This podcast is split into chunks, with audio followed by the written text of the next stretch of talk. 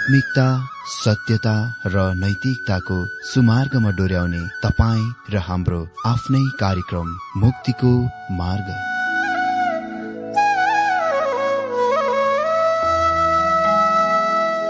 आदरणीय श्रोता यस मुक्तिको मार्ग कार्यक्रममा हार्दिक स्वागत छ।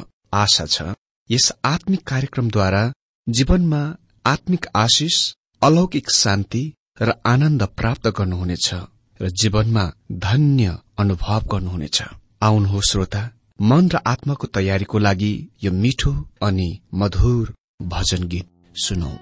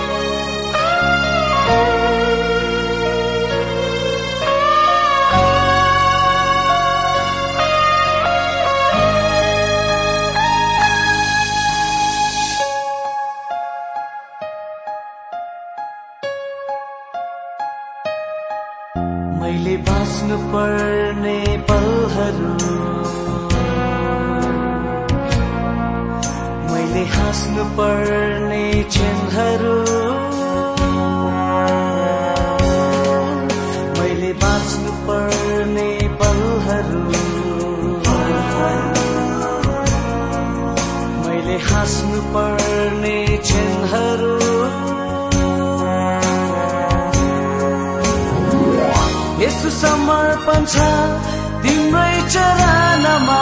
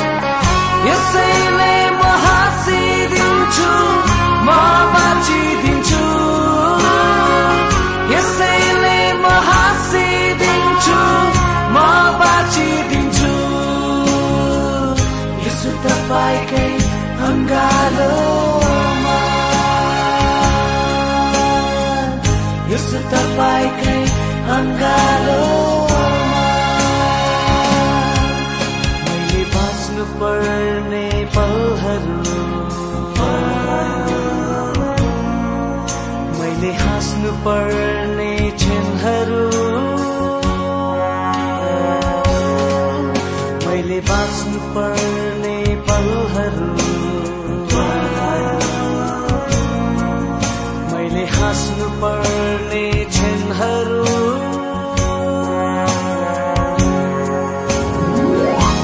समर्पण छ तिम्रै चरणमा।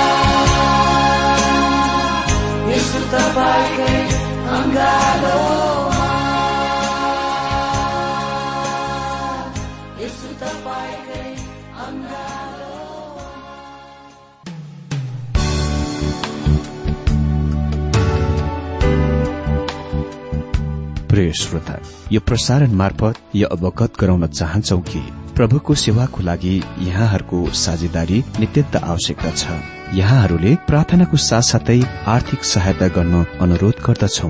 तपाईँहरूको सानो भन्दा सानो भेटी किन नहोस्? हामी प्रभुको नाममा स्वीकार गर्नेछौ प्रभुको सेवाको लागि। तपाईँहरूको यो सानो लगानीले कसैको जीवनमा भिन्नता ल्याउँछ अनि प्रभुको महिमा हुन्छ। प्रभु तपाईँहरूलाई महान गरी आशिष दिनुहुनेछ। इच्छुक श्रोताहरूले तपाईँको इच्छा भेटी हाम्रो ठेगानामा पठाउन सक्नुहुन्छ जुन ठेगाना हामी कार्यक्रमको अन्तमा दिनेछौ। प्रिय श्रोता मित्र प्रभु येशु ख्रिष्टको मधुर अनि सामर्थ्यनामा मेरो जेमसी साथै हार्दिक स्वागत छ आजको यो बाइबल अध्ययन कार्यक्रममा।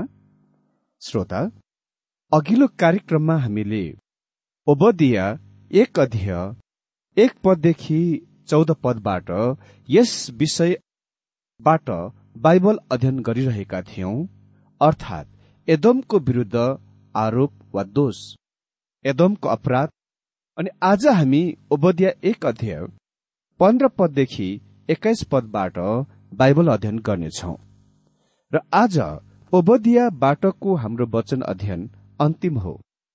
र सबभन्दा पहिले आज हामी देख्नेछौ एदममाथि आकस्मिक विपत्ति सर्वनाश। एक अध्ययको पन्ध्र पदमा लेखिएको छ सबै जाति जातिहरूका निम्ति परमप्रभुको दिन नजिक आइपुगेको छ। तैले जस्तो गरेको छस् तँलाई पनि त्यस्तै गरिनेछ तेरा कार्यहरू तेरो आफ्नै थाप्लोमा फर्केर आउनेछ भनिएको छ किनभने परमप्रभुको दिन नजिकै आइपुगिसकेको छ। परमप्रभुको दिन नजिकै आइपुगेको छ। फेरि म तपाईँलाई याद दिलाउन चाहन्छु कि यो कथन परमप्रभुको दिन पाराभाषिक अभिव्यक्त हो जुनले महाक्लेश अवधिसँग आरम्भको समय अवधिको ढाक्दछ। मतलब यो परमप्रभुको दिन महाक्लेश अवधिदेखि सुरु हुन्छ। तपाईँ र म आज ख्रिस्टको अनुग्रहको दिनमा रहेका छौं।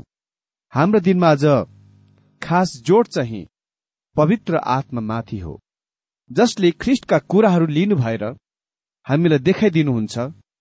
र वास्तविक बनाइदिनुहुन्छ।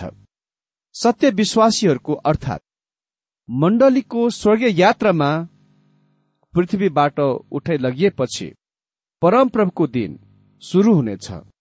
अनि यो अन्धकारसँग र महाक्लेश अवधिको दण्डसँग सुरु हुनेछ। त्यस भयानक समयको पछि धार्मिकताको सूर्य आफ्ना पंखहरूमा चङ्गै लिएर उदाउनेछ जुन यहाँ पृथ्वीमा आफ्नो राज्यको स्थापन गर्न प्रभु येशु ख्रिस्टको आगमन हुनेछ। भनिएको छ सबै जातिहरूमाथि परमप्रभुको दिन नजिक आइपुगेको छ। यहाँ उल्लेखित सबै जातिहरू चाहिँ सबै राष्ट्रहरू हुन्। जब प्रभु येशु ख्रिस्ट पृथ्वीमा आफ्नो राज्यको स्थापन गर्न आउनुहुनेछ त्यहाँ सबै राष्ट्रहरूको इन्साफ हुनेछ। जुनको मती पच्चिस अध्यायमा प्रभु येशुले वर्णन गर्नुभएको छ। अमित्र म स्पष्ट भावमा भन्दछु कि यो स्पष्ट छैन। भूतकालको प्राचीन राष्ट्रहरू जुन दृश्यबाट धेरै लामो समय पहिले नै लोप भइसकेको छ यो दण्डको निम्ति पुनः खडा हुनेछ। वा यदि तिनीहरूका दण्ड प्रकाश बीस अध्यायको एघारदेखि पन्ध्र पदमा उल्लेखित सेतो सिंहासनमा अन्तिम दण्ड हुनेछ। मैले विभिन्न टिप्पणीकारहरू बाइबल विद्वानहरू यस विषयमा विभिन्न विचार लिएका पत्ता लगाएको छु तर म मेरो आफ्नो व्यक्तिगत विचारको दिन्छु। अमित्र यो मेरो व्यक्तिगत विचार हो। यसमा तपाईँहरू मसँग आउनुहोस् वा मेरो विचारको स्वीकार गर्नुहोस् यो म भन्न चाहन्न। अ जब ओभदियाले भन्छन् सबै जातिहरूमाथि परमप्रभुको दिन नजिक आइपुगेको छ उसको अर्थ हो एदोम फेरि अन्तिम समयहरूमा एक राष्ट्र बन्नेछ। यदि तपाईँ यसमा सन्देह गर्नुहुन्छ भने इसरायल राष्ट्रलाई हेर्नुहोस्। करिब पच्चिस सय वर्षसम्म इसरायल राष्ट्र थिएन। तर उन्नाइस सौ अडतालिस इस्वी सम्बतमा फेरि त्यो एक राष्ट्र बन्यो। जब ओभदियाले भन्छ कि परमप्रभुको दिन सम्पूर्ण जातिहरूमाथि नजिक आइपुगेको छ म यसरी अर्थ खोलाउँछु। सम्पूर्ण राष्ट्रहरू जुनमा प्राचीन राष्ट्रहरू पनि पर्दछन् जुन अस्तित्वमा पुनः वापस आउनेछन् अनि दण्डित हुनेछन्। कोही कोही बाइबल विद्वानहरू टिप्पणीकारहरू विश्वास गर्दछन् कि एदोमले परमेश्वरको पूर्ण क्रोधको अनुभव गर्नेछन्। जब प्रभु येशु स्वयंले यसैया त्रिसठ अध्ययको एकदेखि छ पद अनुसार एदोममाथि र त्यसको मित्र राष्ट्रहरूमाथि परमेश्वरको दण्डको कार्यान्वयन गर्न हुनु नै छ। तैले जस्तो गरेको छस् तँलाई पनि त्यस्तै गरिनेछ। तेरो व्यवहार र तेरो आफ्नै थाप्लोमा फर्केर आउनेछ मित्र ओबदियाले यहाँ भविष्यवाणी गरे झै एदोमलाई नष्ट गरिएको थियो। सर्वनाश गरिएको थियो। सर्वप्रथममा यरुसलेमको सहरको नष्ट गरिएको केही समयपछि बाबेलद्वारा त्यस एदोमको पनि कब्जा गरियो र एदोमको राजधानी पेट्रा सहजीलाई विजय गर्न नसकिने चट्टानको चिराभित्र वा गुफाभित्र स्थित सुरक्षित सहरमा बाबेलका जासुसहरू प्रवेश गर्ने कामद्वारा त्यो एदोमलाई कब्जा गर्न र नष्ट गर्न सक्षम भएका थिए। पछिबाट मक्काबीहरूले एदोमलाई आफ्नो कब्जामा र अधीनमा बनाए र अन्तिममा रोमीहरूले एदोमलाई नष्ट गरिदिए जब तिनीहरूले यरुसलेमलाई इस्वी सम्मत सत्तरीमा नष्ट गरे। त्यस समयमा एदोम एक राष्ट्रको रूपमा विश्व दृश्यबाट लोप भयो र त्यस बेलादेखि त्यसको बारेमा सुनिएको छैन। हजुर एदोम फेरि पुनः एदोम राष्ट्रको रूपमा पुनस्थापन हुनेछ। वा हुने छैन यो विवादिस्पात कुरा हो? र यसले तपाईँ र मलाई कुनै वास्तविक भिन्नता बनाउँदैन वा फरक पर्दैन। यदि एदोम मसिहाको हजार वर्षीय राज्य युगको आसपासमा रहे म खुसी हुनेछु। र यदि त्यो त्यस बेला नरहे तापनि म अझै खुसी हुनेछु किनभने म जान्दछु कि परमेश्वरले उहाँको आफ्नो योजनाको पूरा गरिरहनु भएको छ। अनि सोह्र पदमा लेखेको छ जसरी तैले मेरो पवित्र डाँडामा पिस त्यसरी नै त्यसरी नै सबै जाति जातिहरूले पनि सधैँभरि पिउनेछन्। तिनीहरूले पिइरहनेछन् र कहिले नभए जस्तै हुनेछ। अर्को शब्दमा परमेश्वर एदोमलाई भन्नुहुन्छ जस्तो तैले जस्तो गरेको छस् तँलाई पनि त्यस्तै गरिनेछ। तँलाई उही तरिकामा पुरस्कृत गरिनेछ। यसलाई आज हामी आदर्श न्याय भन्दछौ। प्रभु येशुले भन्नुभयो जसरी तिमीहरू न्याय गर्दछौ त्यसरी नै तिमीहरूलाई पनि न्याय गरिनेछ। वा मानिसले जे छर्छ त्यसकै कटनी पनि गर्नेछ। एदोम उही तरिकाहरूमा उस्तै तरिकामा दुःख कष्ट भोग्नेछौ जस्तो कि त्यसले अरूहरूलाई दुःख कष्ट दिएका थिए। अनि यो कुनै व्यक्ति विशेष अनि राष्ट्रको निम्ति बिल्कुल सत्य हो। यो कहिले परिवर्तन नहुने प्राकृतिक आत्मिक शारीरिक सबै क्षेत्रको लागि अटल नियम हो। यो कुरा हामीले विचार गर्नुपर्छ। अमित्र पद सत्रदेखि एक्काइस पदहरूमा हामी ओबदियाको पुस्तकको दोस्रो र अन्तिम विभाजन खण्डतिर आउँछौ। यो खालि केही कम पदहरू मात्र हुन् अनि यसले इसरायल राष्ट्रको सम्बन्ध राख्छ। एदमको लागि त्यो विनाश विध्वंस थियो। तर इसरायलको लागि पुनस्थापन हो। सानो राष्ट्र इसरायल सर्वशक्तिमान परमेश्वरको कार्यक्रममा योजनामा फिट हुँदछ। हरेक कुरा प्रत्येक कुरा सर्वशक्तिमान परमेश्वरको कार्यक्रममा योजनामा फिट हुँदछ। प्रत्येक व्यक्ति विशेषको लागि चाहे तपाईँ जोसुकै हुनुहोस् चाखलाग्दो कुरा यो छ कि परमेश्वरको मनमा तपाईँ हुनुहुन्थ्यो। ठूलो प्रश्न यो हो के तपाईँ परमेश्वरसँग पदचिन्हमा हुन गइरहनु भएको छ? के तपाईँ उहाँसँग अनन्ततामा वा अनन्तकालतिर बढ्न गइरहनु भएको छ? वा उहाँको विरुद्धमा हुनु भएर अनन्ततातिर बढ़िरहनु भएको छ? उहाँको योजना र कार्यक्रम पूरा गरिनेछ। र तपाईँ उहाँतर्फ उहाँतिर हुँदा नै उक्तम काम गर्नुहुनेछ। त्यसपछि हामी देख्नेछौ इसरायलको अवस्था। यद्यपि परमेश्वरले इसरायललाई दण्ड दिनु भए तापनि तिनीहरूलाई राष्ट्रको रूपमा नष्ट गरिने थिएनन्। सत्र पदमा लेखिएको छ तर सियोन पर्वतमा चाहिँ उद्धार हुनेछ। त्यो पवित्र रहनेछ। याकुबको घरनाले आफ्नै उत्तराधिकारको अधिकार गर्नेछ। मित्र यहाँ लेखिएको छ तर सियोन पर्वतमा चाहिँ उद्धार हुनेछ। सियोन डाँडामा विश्वको लागि उद्धार वा छुटकाराको प्रदान गरिनेछ। त्यहाँ नै आज त्यसको अर्थात् उद्धार र छुटकाराको हामीलाई प्रदान गरिएको छ। प्रभु येशु आउनुभयो र तपाईँ र मेरो लागि गलगोथमा मर्नुभयो वा फेरि यो पृथ्वीमा आउन गइरहनु भएको छ। यद्यपि हामीलाई भनिएको छ कि त्यस समयमा उहाँको खुट्टाले जैतुन पर्वतमा टेक्नेछ उहाँ यरुसलेममा आउनुहुनेछ। र म विश्वास गर्दछु कि उहाँ सियोन पर्वतको शिखर चुचुरोमा बाट शासन गरिरहनुहुनेछ। अनि लेखेको छ त्यो पवित्र रहनेछ। आज त्यहाँ कुनै पवित्रता छैन। तर त्यहाँ पवित्रता हुनेछ जब प्रभु येशुले शासन गर्नुहुनेछ अनि दोस्रो खण्डमा लेखिएको छ याकुबका घरनाले आफ्नै अधिकारको अधिकार गर्नेछ। याकुबको घरनाले आफ्नै उत्तराधिकारको अधिकार गर्नेछ। मलाई यो अभिव्यक्त धेरै मनपर्छ।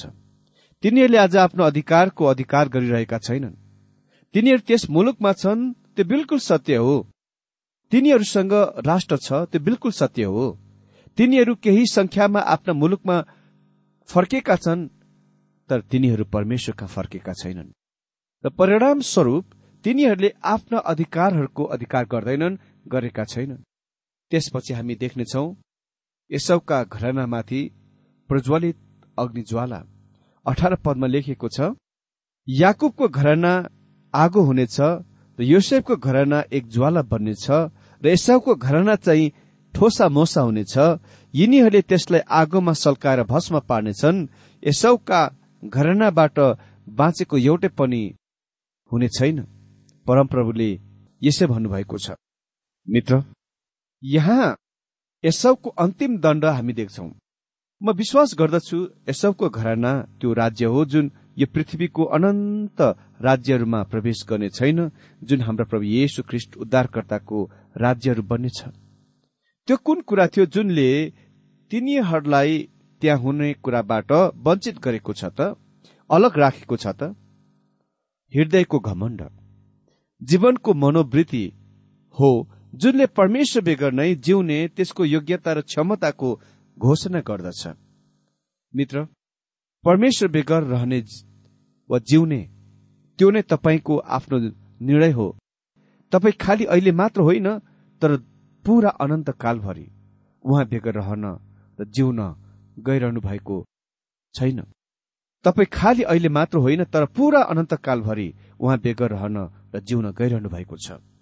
अनि म तपाईँलाई भनौँ त्योभन्दा दयनीय कुरा र अभाग्यको कुरा केही र कुनै छैन। त्यसपछि हामी देख्नेछौ सबै कुराहरूको समाप्ति वा पूर्णता। उन्नाइस पदमा लेखिएको छ नेगेबका मानिसहरूले यसौका डाँडाहरू अधिकार गर्नेछन् र डाँडाका फेदीका मानिसहरूले पलिस्तियरको देश अधिकार गर्नेछन्। तिनीहरूले एप्राइम र सामरियाका खेतबारीहरू पनि अधिकार गर्नेछन् र बेन्जामिनले चाहिँ गिलात अधिकार गर्नेछ। एदोमको दक्षिण राज्य एसाउको डाँडाको अधिकार गर्न फैलिनेछ विस्तृत हुनेछ। पश्चिममा हुनेले पलिस्तीको मुलुकलाई सामेल गर्नेछ र एप्रेमको जग्गा र सामर्यको जग्गा। त्यो चाहिँ उत्तरी राज्य हो। राष्ट्रमा पुनस्थापन हुनेछ र बिन्यामिनले गिलातलाई सामेल गर्नेछ जुन यर्दन नदीको पूर्व किनारमा स्थित छ। अनि बीच पदमा लेखेको छ इसरायलको यस समूहले जो निर्वासनमा भएर कनानमा छन् सारपातसम्मको देश अधिकार गर्नेछन्। सपारा रातमा भएका येरुसलेमका निर्वासितहरूले नेगेबका नगरहरू अधिकार गर्नेछन्। मित्र सारपात सिधै उत्तर लेबनानमा सो र सिदोनको बीच स्थित छ। दक्षिणी देशका सहरहरू नेगेबको संकेत गर्दछन्। जुन दक्षिण राज्यमा भागमा पर्दछन्। इसरायलले सम्पूर्ण जमिन वा मुलुकको ओगट्ने छ जुन जुनको परमेश्वरले तिनीहरूलाई प्रतिज्ञा गर्नुभएको थियो। उहाँले अब्राहमलाई र त्यस मुलुकको प्रतिज्ञा दिनुभएको थियो जुनको क्षेत्रफल करिब तीन सय हजार वर्ग मिल थियो। तर तिनीहरूका सर्वोच्च बिन्दु शिरबिन्दुमा पनि तिनीहरूले खालि करिब तीस हजार वर्ग मिल मात्र ओगटेका थिए। अनि एक्काइस पदमा लेखिएको छ यसौका डाँडाहरूको राज्य गर्नलाई उद्धार गर्नेहरू सियोन पर्वतमा उक्लेर आउनेछन् र राज्य चाहिँ परमप्रभुको हुनेछ। उद्धार गर्नेहरू छुटकार दिनेहरूमा अनुवाद गर्नुपर्दछ। अनि राज्य चाहिँ परमप्रभुको हुनेछ। परमेश्वर आज अचल र स्थिरतापूर्ण बिना संशय आफ्नो उद्देश्यको परिपूर्ति गर्न पूरा गर्न बढ़िरहनु भएको छ। मतलब सियोन डाँडामा आफ्नो राज्यको राख्न। अनि इजिकेल एक्काइस अध्यायको सत्ताइस पदमा भन्नुहुन्छ उजाड उजाड म त्यसलाई उजाड पार्नेछु। जसको त्यसमाथि अधिकार छ त्यसलाई नै म फेरि यो सुम्पिदिनेछु। ऊ नाइ पुगिन्जेल त्यसको नौ निशानै रहने छैन। मित्र कुनै पनि कुराले उहाँको योजनामा र उहाँको कार्यक्रममा परमेश्वरलाई कति पनि रोक्न उलट पुलट गर्न सक्दैन। कुनै सौका पुत्रहरूले सन्तानहरूले कसैले पनि र कुनै कुराले पनि उहाँलाई रोक्न सक्दैन। उहाँ आज विजयतिर बढ़िरहनु भएको छ। राज्य परमप्रभुको हो। परमेश्वर आजको यो बाइबल अध्ययनद्वारा हरेकलाई धेरै धेरै आशिष दिनुभएको होस्।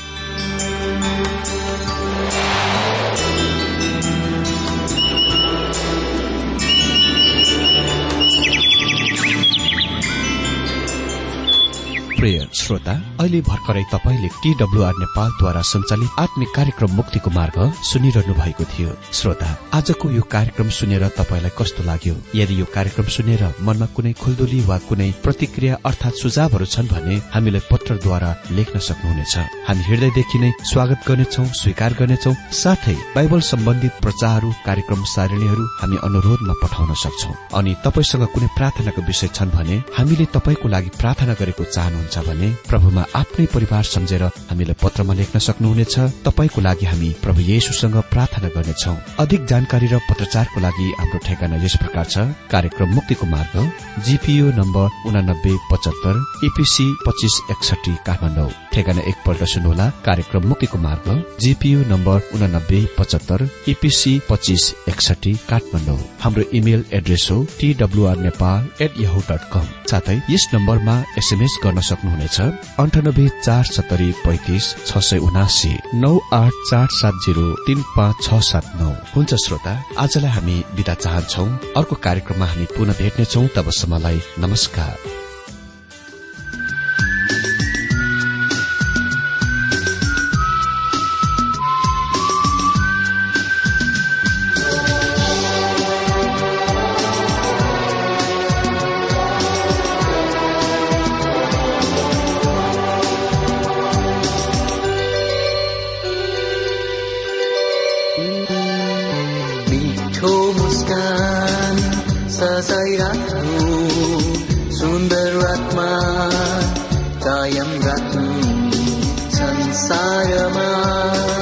सुवास बनी तिमी सधैँ फैलिदिनु